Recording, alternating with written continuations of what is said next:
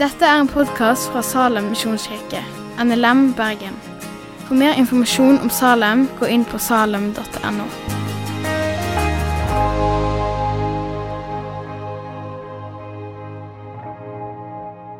Kjære Gud, takk for at vi får være her. Takk for at Tor har kommet og har lyst til å tale for oss. Ber om at du skal gi han den roen han trenger, og gi han de ordene han trenger. Og så ber jeg òg om at eh, du skal åpne hjertene til oss som skal høre på. Vær med oss og fyll oss med din Hellige Ånd, og åpenbar dine ord for oss. I ditt hellige navn. Amen.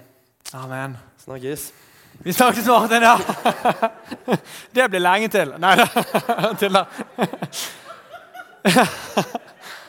Nei, Det er veldig kjekt å være der som jeg følte meg veldig hjemme i studietiden, og som jeg egentlig også ønsket at skulle være mitt videre hjem også i voksenlivet, eller når jeg begynte å arbeide. da.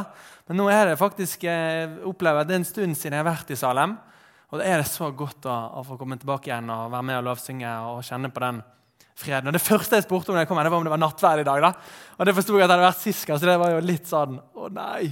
For nattverd er så fint. da. Det sammen med lovsang er, er et høydepunkt. da. Og så skal vi satse på at dette ikke blir et bunnpunkt, men kanskje det kan være et sånt Ikke midtpunkt heller, det ble jo på en måte feil. Men ikke det aller høydepunktet. men det, ja, uansett. Ok. um, dette er kanskje ikke den mest vanlige måten å starte en tale på, um, men er dere helt dum i hodet? Det er faktisk nesten et Jesus-sitat. For når Jesus ikke blir tatt imot i en samaritansk landsby, så kommer Jakob og Johannes opp med det som de tenker er en helt glimrende idé. De spør Jesus Jesus, skal vi be til Gud om at han må fyre ned ild fra himmelen og fortære alle disse menneskene her. Og så svarer Jesus dere vet ikke hva ånd dere er ute av. Og Det må jo være den gamle, litt snillere versjonen av Er dere helt dum i hodet? Hva er det dere tenker på? Og så sier han at menneskesønnen er ikke kommet for å ødelegge menneskeliv, men for å frelse. Og Det er jo ikke alltid lett eh, å gjøre det som er rett. Og Jesus hadde jo tidligere på en måte utfordret Jakob og Johannes og resten av disiplene på hva det var som skulle kjennetegne de.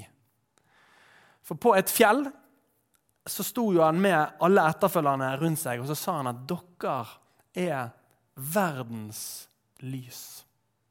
En by som ligger på et fjell, kan ikke skjules. Sånn skal deres lys skinne for menneskene, så de kan se de gode gjerningene dere gjør, og prise deres far i himmelen. Dere er verdens lys. altså er Jesus sin utfordring til sine etterfølgere. Og Det tenker jeg, det gjelder både de den gangen og oss i dag. Altså, vi er utfordret på å være lys i denne verden. Vi er utfordret på å være håp eh, for den som er nedbrutt, trøst for den som sørger, vi skal være liv for den som har mistet livsgnisten. Vi skal være en klem utenom koronatiden selvfølgelig, og et smil til den som trenger det. Vi skal være en venn for den som er ensom. Og vi skal være lys for den som er i mørket. Dere er verdens lys. I hvert fall så kaller Jesus oss til å være det. Og så er spørsmålet er vi kristne verdens lys. Altså Stråler vi Guds kjærlighet? Skinner vi Guds godhet? Jeg tror at jeg vil si både ja og nei eh, på det spørsmålet der. Og mitt store forbilde på ungdomsskolen det var ikke Jesus Kristus, det var Mahatma Gandhi. Han er fortsatt et forbilde, da, men han fortalte det at han var veldig nær med å bli kristen i tidlig voksen alder. Som student i Sør-Afrika så skulle han i en kirke. Og så ble han ikke tatt imot. Han fikk ikke komme inn i kirken fordi han var mørk i huden. De som jobbet og de som var i kirken, der ville ikke slippe han inn. da. Og Han konkluderte senere med at 'jeg liker Kristus, men ikke de kristne'. For de ligner ikke på han. En annen kristen mann som heter Tony Campolo, eh, han eh, forteller en fryktelig historie fra ungdomsskolen. Der eh, de hadde en gutt i klassen som het Roger, som alle visste at ble plaget og uthengt og, og mobbet. Eh, men det var ingen på en måte som tørde å si ifra om det. og man tenkte, eller De fleste tenkte på en måte at det var bare en spøk og det var liksom ikke så viktig, det var ikke så veldig farlig. da. Eh, men en dag så dro denne mobbegjengene på fem gutter der, de dro det ekstra ekstra langt. Så fører de Roger inn i hjørnet av dusjen i guttegarderoben og står og tisser over han. Dagen etter så kommer ikke Roger på skolen. Hans liv hans lys det hadde slukket. Han hadde tatt sitt eget liv. Roger helt, nei, jeg mener eh, Tony Campolo var helt knust Han forteller det, helt knust og mistet nesten troen på Gud. Ikke troen på en måte på at Gud fantes, eh, men troen på at, at Guds kjærlighet eh, var i han. da. Og Hvordan kunne han som en kristen, som et medmenneske, måtte tillate at noe sånt skjedde med en person i klassen sin? Skulle ikke han på en måte være lys i denne verden? Er vi kristne? Er vi verdens lys?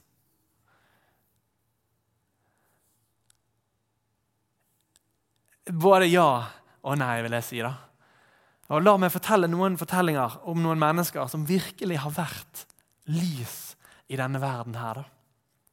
En kar som heter fader Maximilian Kolbe, eh, var eh, prest i et kloster i Polen. Eh, og når Tyskland under andre verdenskrig invaderte Polen, så var han og de andre prestene der og Nå skal vi snakke opp presteyrket. Nei da. altså, da var han og noen andre prester i det klosteret de var med å hjelpe ca. 3000 jøder og flyktninger da, som berget livet pga. det som de gjorde i det klosteret. Men Kolbe og disse prestekollegene de ble etter hvert tatt. For de gjemte jo og hjalp bare flere og flere flyktninger. Og sånn, og ble derfor sendt til Auschwitz. Og I Auschwitz da hadde man en regel om at for hver person som klarte å flykte, så ville ti personer bli drept ved å sultes i hjel. Og Da tenkte man på en måte at ok, da er det jo ingen som vil forsøke å, å rømme. Eh, for da får man jo ti liv på samvittigheten, som dør en fryktelig død. Likevel så var det jo noen som forsøkte på det. Og en person nettopp fra Kolbe sin avdeling kom seg unna. Derfor ble han sammen med hele avdelingen sin stilt på en rekke. Og så ble ti tilfeldige menn eh, plukket ut. Og En av de som ble plukket ut, var Francis Gajovnisjek. Og Han begynte å hylgrine. og sa, 'Hva med min kone?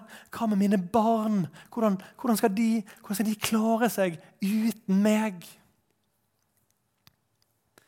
Og Kolbe, glad for å selvfølgelig ikke ha blitt valgt, står og tripper. Tenker Så tar han et steg. Så tar han et steg til. Og så sier han, 'Jeg er ikke gift. Jeg har ikke barn.' La meg få ta han sin plass. Og Kommandanten aksepterer Kolbe sitt ønske. Kajovnisjek blir ført tilbake igjen i avdelingen mens Kolbe blir sendt til bygning 13 for å sultes i hjel. Og den 14. august 1941 så dør Kolbe etter å ha gitt sitt liv for Kajovnisjek. Og grunnen, grunnen til at denne historien har blitt kjent og faktisk kan gjenfortelles, det er at Gajovnisjek overlevde konsentrasjonsleiren. Når han ble hele 95 år, det er ikke lenge siden han døde. da. Og Han kunne aldri glemme den selvoppofrende kjærligheten som Kolbe viste. Og hvilken enorm betydning som det hadde for han sin familie. da. Vi er verdens lys. En historiker skrev det på denne måten her om oldtiden, om kristne i oldtiden. da. Og for et vitnesbyrd det er. da. For et vitnesbyrd. Statistisk sett i oldtiden, før kirken ble statsreligionen i Romerriket, hadde du større mulighet for å overleve om du hadde en kristen venn, enn om du ikke hadde det. For de tok vare på deg, de delte sin økonomi, sitt liv, sitt hjem. Her kan man høre Dette her. Dette er helt crazy. Det er så stilig. Romerne delte én ting med hverandre konene sine. Og hvis det blir meg og deg, Julie, så skal ikke du være redd for det. Eh, de kristne delte alt utenom én ting konen sin. Utrolig Stina. Romerne delte én ting med hverandre, konene sine. De kristne delte alt utenom én ting, konen sin. Når, norske vikninger i 19, nei, 1973 skulle jeg til å si Det var ikke akkurat vikingtid da. I 793, når norske vikninger plyndret klosteret i Lindesfarne og drepte munkene der og tok flere av dem som slaver, så gikk det jo sjokkbølger over eh, områdene i nærheten. Og, og, de tenkte hvordan i all verden kan noen gjøre noe så fryktelig? Og hvordan kan vi endre disse galningene? For Vikingene hadde jo litt sånn rykte på seg for å være litt ja, gal og ikke bry seg om noe som helst om menneskeliv. bare... Og da fant de ut at jo, de må bli kjent med Jesus. Vi må misjonere dem. da. Og Engelske munker og prester ble sendt til Norge for å misjonere disse galne nordmennene. Og Noen århundrer seinere så dør nesten denne prestestanden ut i Norge. Fordi at ikke de er redd for å dø, men heller opptatt av å hjelpe de som har fått svartedauden. Lys i verden. Noe er større enn oss, enn meg. Kan vi vise dyptgripende kjærlighet, tro, håp, lys? Tenk at Det er et budskap som taler. Det er et troverdig budskap. Det er et budskap som folk har lyst til å lytte til. Mor Teresa Fantastisk fantastisk dame. Ikke at jeg kjenner henne. Men eh, hun, brukte, hun, kom fra Albania i Europa og brukte sitt liv på å hjelpe eh, foreldreløse barn eh, i India. Hun ga dem mat og husly, lærte dem opp og elsket dem. Og En dag så kommer hun til en baker i byen Calcutta, eh, der de rett og slett mangler mat. Da. Og de har ikke penger til å kjøpe mat heller så hun tigger rett og slett på barna sine vegne og rekker ut hånden og spør denne bakeren vil du være så snill å gi noe brød til disse barna. De, de sulter. Og bakeren spytter mor Teresa i hånden. Hun tar hånden og legger den på hjertet sitt. Og Så rekker hun ut den andre hånden, og så sier hun, 'Vil du være så snill å gi noe brød til disse barna?' De sulter. Og Bakeren han blir helt satt ut av denne godheten. Han kan ikke fatte hvordan hun, en hvit europeisk dame kan bry seg om disse her kasteløse barna. Og Grepet av hennes godhet så gir han hun brødet. og han blir fra denne dagen av en fast giver til barnehjemmet. Vi kan være lys i denne verden. Og hvor er det vi kan hente lyset fra? Er, hvem er det liksom mor Teresa og Kolbe hvem er det de har fulgt? Jo, det er jo Jesus. og Min favoritthistorie i Bibelen det handler nettopp om lys i mørket. For i Jesus sin mørkeste time, der han henger pint og svak, så har han disse to røverne ved siden av seg. Og De vet jo ikke vi hva har gjort, men vi vet jo at de også befinner seg i sin siste og mørkeste time. Og Så velger jo den ene røveren å håne Jesus og sier ikke du Guds Messias? Har ikke du frelst andre? Frelst noe av deg sjøl og oss? Og Så svarer jo ikke Jesus, men det gjør den andre røveren. Han sier det, frykter ikke du Gud selv i denne stund? For oss er dommen rettferdig. Men han, han har ikke gjort noe galt. Jesus, vil du huske på meg når du kommer i ditt rike? Og Da svarer Jesus, sannelig, sannelig, jeg sier deg, i dag skal du være med meg til paradis. Når jeg ser Jesus-filmen, 'Passion of the Christ', så er det denne scenen her da, eh, som gang på gang for meg er til å begynne å grine. da. Jeg tenker Denne røveren han har gjort så mange feil i livet sitt. Han befinner seg, altså Familien hans har sikkert også gitt han helt opp. da. Han befinner seg i sin mørkeste, mørkeste time. Og akkurat der får han et møte med Jesus som ønsker han velkommen. da. Jeg tenker liksom, Tenk å få høre denne beskjeden der. Da, alt oppe ute, midt i krisen, midt i nøden, midt i døden. Bønnen er på en måte så enkel som Jesus. Vil du huske på meg? Og svaret han får, det er at du skal ikke bare være et minne her, her inne. Eh, du skal få lov til å være med meg frem til det evige hjem. Du er velkommen. Altså Jesus sitt lys da, det strålte selv på dødens dag.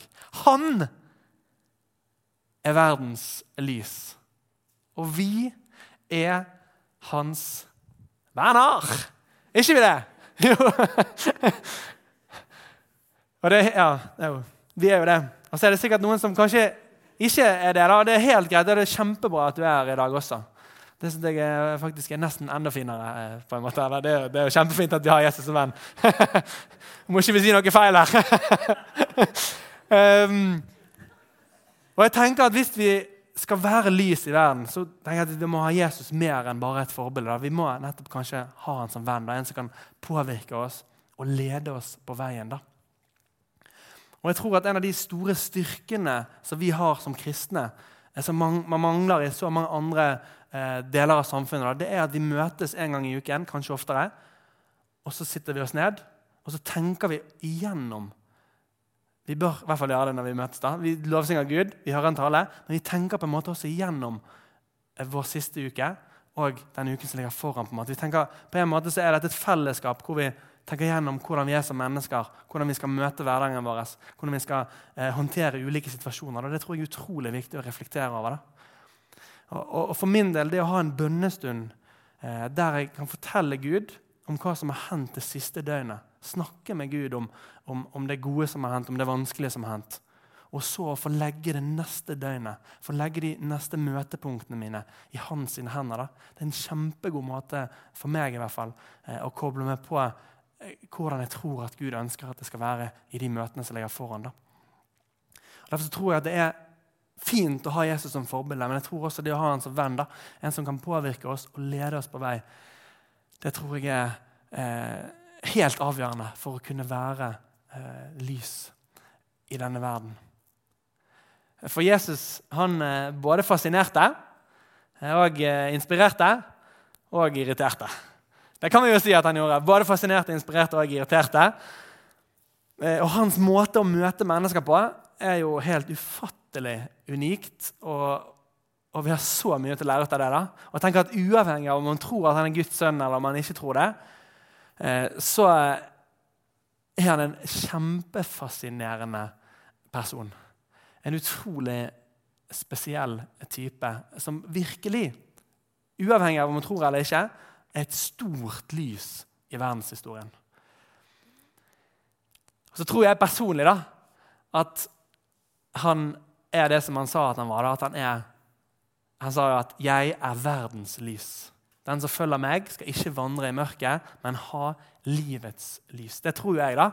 Og det, Akkurat det utsagnet der det sier jo Jesus i Jerusalem med en stor gjeng rundt seg. Han hadde jo mange som fulgte han, og mange tilhørere. og sånne ting. Men rett før han sier det utsagnet der, altså at 'Jeg er verdens lys'. Den som følger meg, skal ikke vandre i mørket, men ha livets lys.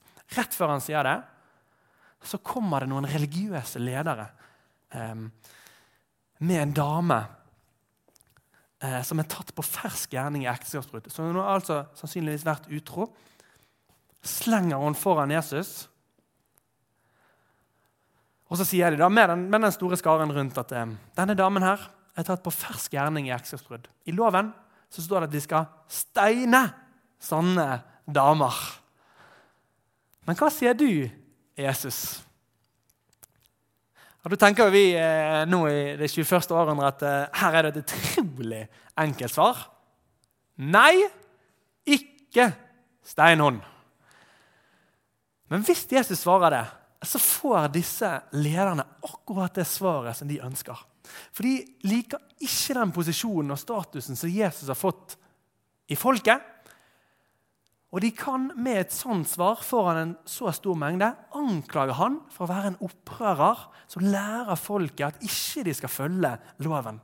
Noe som sannsynligvis ville føre til at han ble fengslet, og kanskje i verste tilfelle også henrettet. Så han kan på en måte ikke si 'nei, ikke Steinon'. Men han kan på en måte heller ikke si 'ja da, helt i orden'. Hiv stein på han. For da vil jo hans kjærlighetsbudskap, hans godhetsbudskap, eh, falle i grus. Altså at han er kommet nettopp for å føre syndere sammen med Gud igjen. Det vil jo på en måte bare bli oppfattet som løgn, eh, og han vil bli sett på som ond. da. Så han kan på en måte ikke si eh, ja, bare Steinon. Eh, og han kan heller ikke si nei, ikke Steinon. Et stort dilemma. Hva gjør Jesus da? Hva gjør denne kloke personen? Han bøyer seg ned og begynner å skrive i sanden. Det er et veldig bra tips å ta med seg hvis du har et stort dilemma. Hvis ikke du klarer muntlig eksamen, så bare bøyer du deg ned og så skriver du i sanden. Men det tror jeg at han tenker. Altså, Hva i alle dager skal jeg svare nå? jeg kan ikke si ja, jeg kan ikke si nei. Og De fortsetter å spørre han, hva skal vi gjøre med denne damen. Og Da retter han seg opp. Og Da tror jeg at han har fått litt tid til å tenke. Og så sier han, 'Den av dere som er uten synd, kan få lov til å kaste den første steinen.' Og Da tror jeg at de står rundt henne. Og så ser den ene liksom på den andre og sier, 'Hiv, ta, ta hiv, hiv, hiv først, du. Begynn, du. begynn du.' Og Så ser den andre tilbake. 'Nei, nei jeg kan ikke hive først. jeg. Hiv, hiv, hiv først, du.' Og så går det opp for dem at hvis de sjøl skal dømmes etter loven, så står de alle skyldige til døden. Alle har de syndet. Og ingen av dem våger å være den første som hiver stein. Så en etter en så går de bort fra denne damen her. Og så blir Jesus stående alene igjen med henne og spør har ingen fordømt deg. Hun svarer nei, Herre, ingen. Og Jesus sier da heller ikke jeg fordømmer deg. Gå bort og synd ikke mer fra nå av. Han sier på en måte ikke at det er greit, det som hun har gjort. Men han viser henne en nåde og en kjærlighet som med all sannsynlighet fører hun inn på en ny vei. da. Inn på Jesusveien. Lyset skinner for hun. Hun får livet tilbake igjen. Og Jesus utfordrer hun på å leve i etterfølgelse av seg. Og så kan Vi på en måte bare spekulere vi får ikke høre noe mer om denne damen, så vi kan bare spekulere i hvilken enorme følger det må ha fått for livet hennes. Dette er det da som fascinerer en, eh, en eh, veldig uerfaren prest som kun har vært prest i et år. Da. Det er det som fascinerer meg aller, aller mest med Jesus. da, Måten han møtte mennesker på. da. Ikke hans visdom og lære, selv om det er ufattelig klokt og vist, og vi har bygget våre liv de siste 2000 årene på hans lære. Heller ikke hans mirakler og under, selv om vi aldri har sett noe lignende siden eller før. Eh, og de mektige og vidunderlige og sånne ting. Og jeg skrev min avhandling om Jesu oppstandelse og sånne ting. da. Ikke det.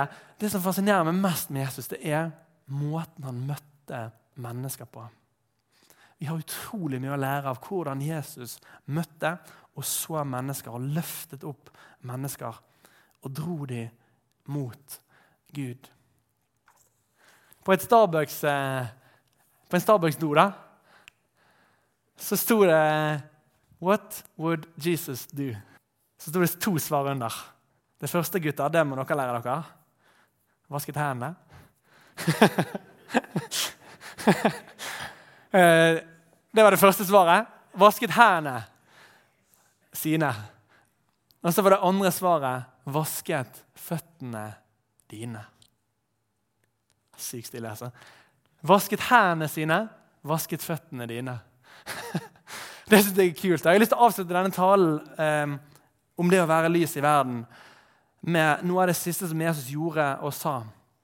For han var samlet med sine disipler i siste måltid før korsfestelsen så bøyet han seg ned, tok av seg kappen sin og begynte å vaske føttene på disiplene. Og så tørket han dem. Peter er motvillig til det og, og, skjønner på en måte ikke hva Jesus gjør, eller hvorfor. Hvorfor i alle dager eh, gjør du dette her? Eh, og Det kan man skjønne veldig godt, for at, eh, vi i dag vil jo også tenke at det er litt rart å vaske noen sine føtter. Eh, det var faktisk enda verre for 2000 år siden, for da var føttene sett på som det skitneste eh, på kroppen. Det mest urene man hadde på kroppen. Eh, nettopp fordi at man hadde jo gjerne ikke sko, og hvis man hadde sko, så var det jo ofte sandaler med store hull, og sånne ting, så man var blødende og skitten og hadde mye sår på føttene. da. Så det var en oppgave som ofte slaver og tjenestefolk fikk. da. Det var de folkene i øvre klassen som på en måte hadde råd til det, liksom, at noen kunne vaske bort skiten. Så Peter spør eh, hvorfor, hvorfor Jesus, hvorfor gjør du dette her? Eller Det var ikke helt ordrett hva han spurte om. Eh, han spurte ja, 'Herre, vil du vaske mine føtter?' Og så sier Jesus, 'Ja, det jeg gjør, forstår du ikke nå, men du skal forstå det seinere.' Og når han da hadde vasket føttene deres og satte seg opp igjen sammen med dem Eller de lå her jo faktisk og spiste, tror jeg de gjorde så sier han det at som jeg har gjort mot dere, skal dere gjøre mot andre, eller mot hverandre. Som jeg har elsket dere, skal dere elske hverandre. Ved dette skal folk skjønne at dere er mine disipler. Eller nei, det var, ikke, det var faktisk enda sterkere. Ved dette skal alle forstå at dere er mine disipler. At dere har kjærlighet til hverandre. Og Så kan vi spørre oss liksom, hvorfor, hvorfor gjorde Jesus denne handlingen. her? Hvorfor vasket han føttene deres? Og Da er det nok sikkert kjempemange gode svar på det. Eh, og sikkert mange flere enn det som jeg har klart tenkt meg til. Men jeg har tenkt på fire grunner til det.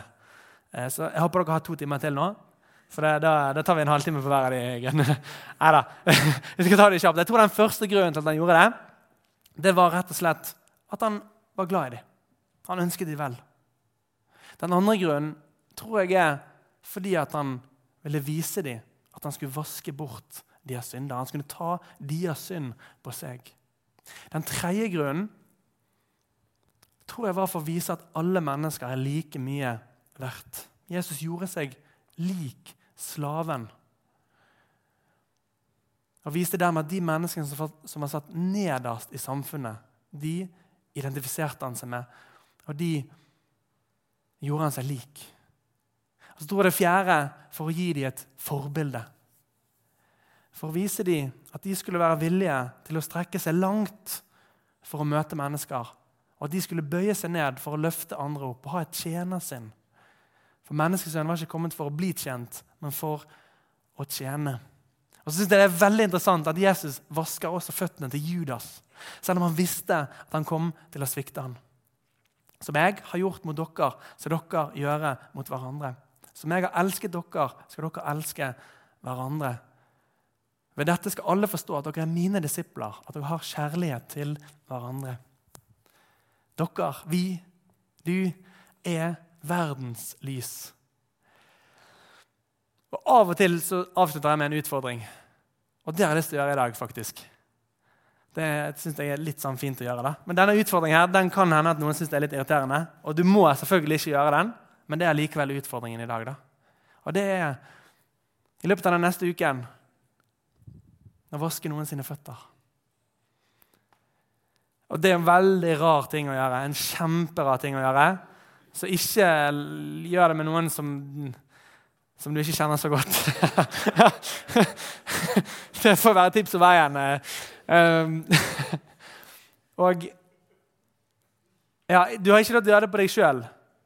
Eh, men du kan gjøre det på hvem du ønsker. Kanskje det er noen du bor med, eller noen sånn, en søster eller bror. eller eh, noen som naturlig. Men til neste Salem, vask noen, altså én person, sine føtter. Og jeg, Det er ikke en utfordring jeg gir fordi at jeg tror at det er en god måte å være lys på. Det fins mange andre måter som er mye bedre enn det å være lys på. Men jeg tror at det er en handling som taler mye sterkere enn de ordene som jeg har talt i dag. Jeg tror at Mens vi gjør det, mens vi vasker noen sine føtter, så tror jeg at vi blir påminnet om at vi i denne verden er kalt til å være lys. Og så kan det hende at det også gir en god samtale. Det er utfordringen til neste gang. Og send meg gjerne en melding eh, neste lørdag eh, og spør om jeg har gjort det samme. Eh, så blir jeg også holdt ansvarlig for at jeg også eh, skal gjøre det i den neste uken som ligger foran. Lys. Venner. Det var det jeg hadde lyst til å si. Takk for at du har hørt på podkasten fra Salem, Bergen. I Salem vil vi vinne, bevare, utruste og sende. Til Guds ære. Vi ønsker å se mennesker finne fellesskap, møte Jesus og bli disippelgjort her i Bergen og i resten av verden. Vil du vite mer om oss, gå inn på salem.no.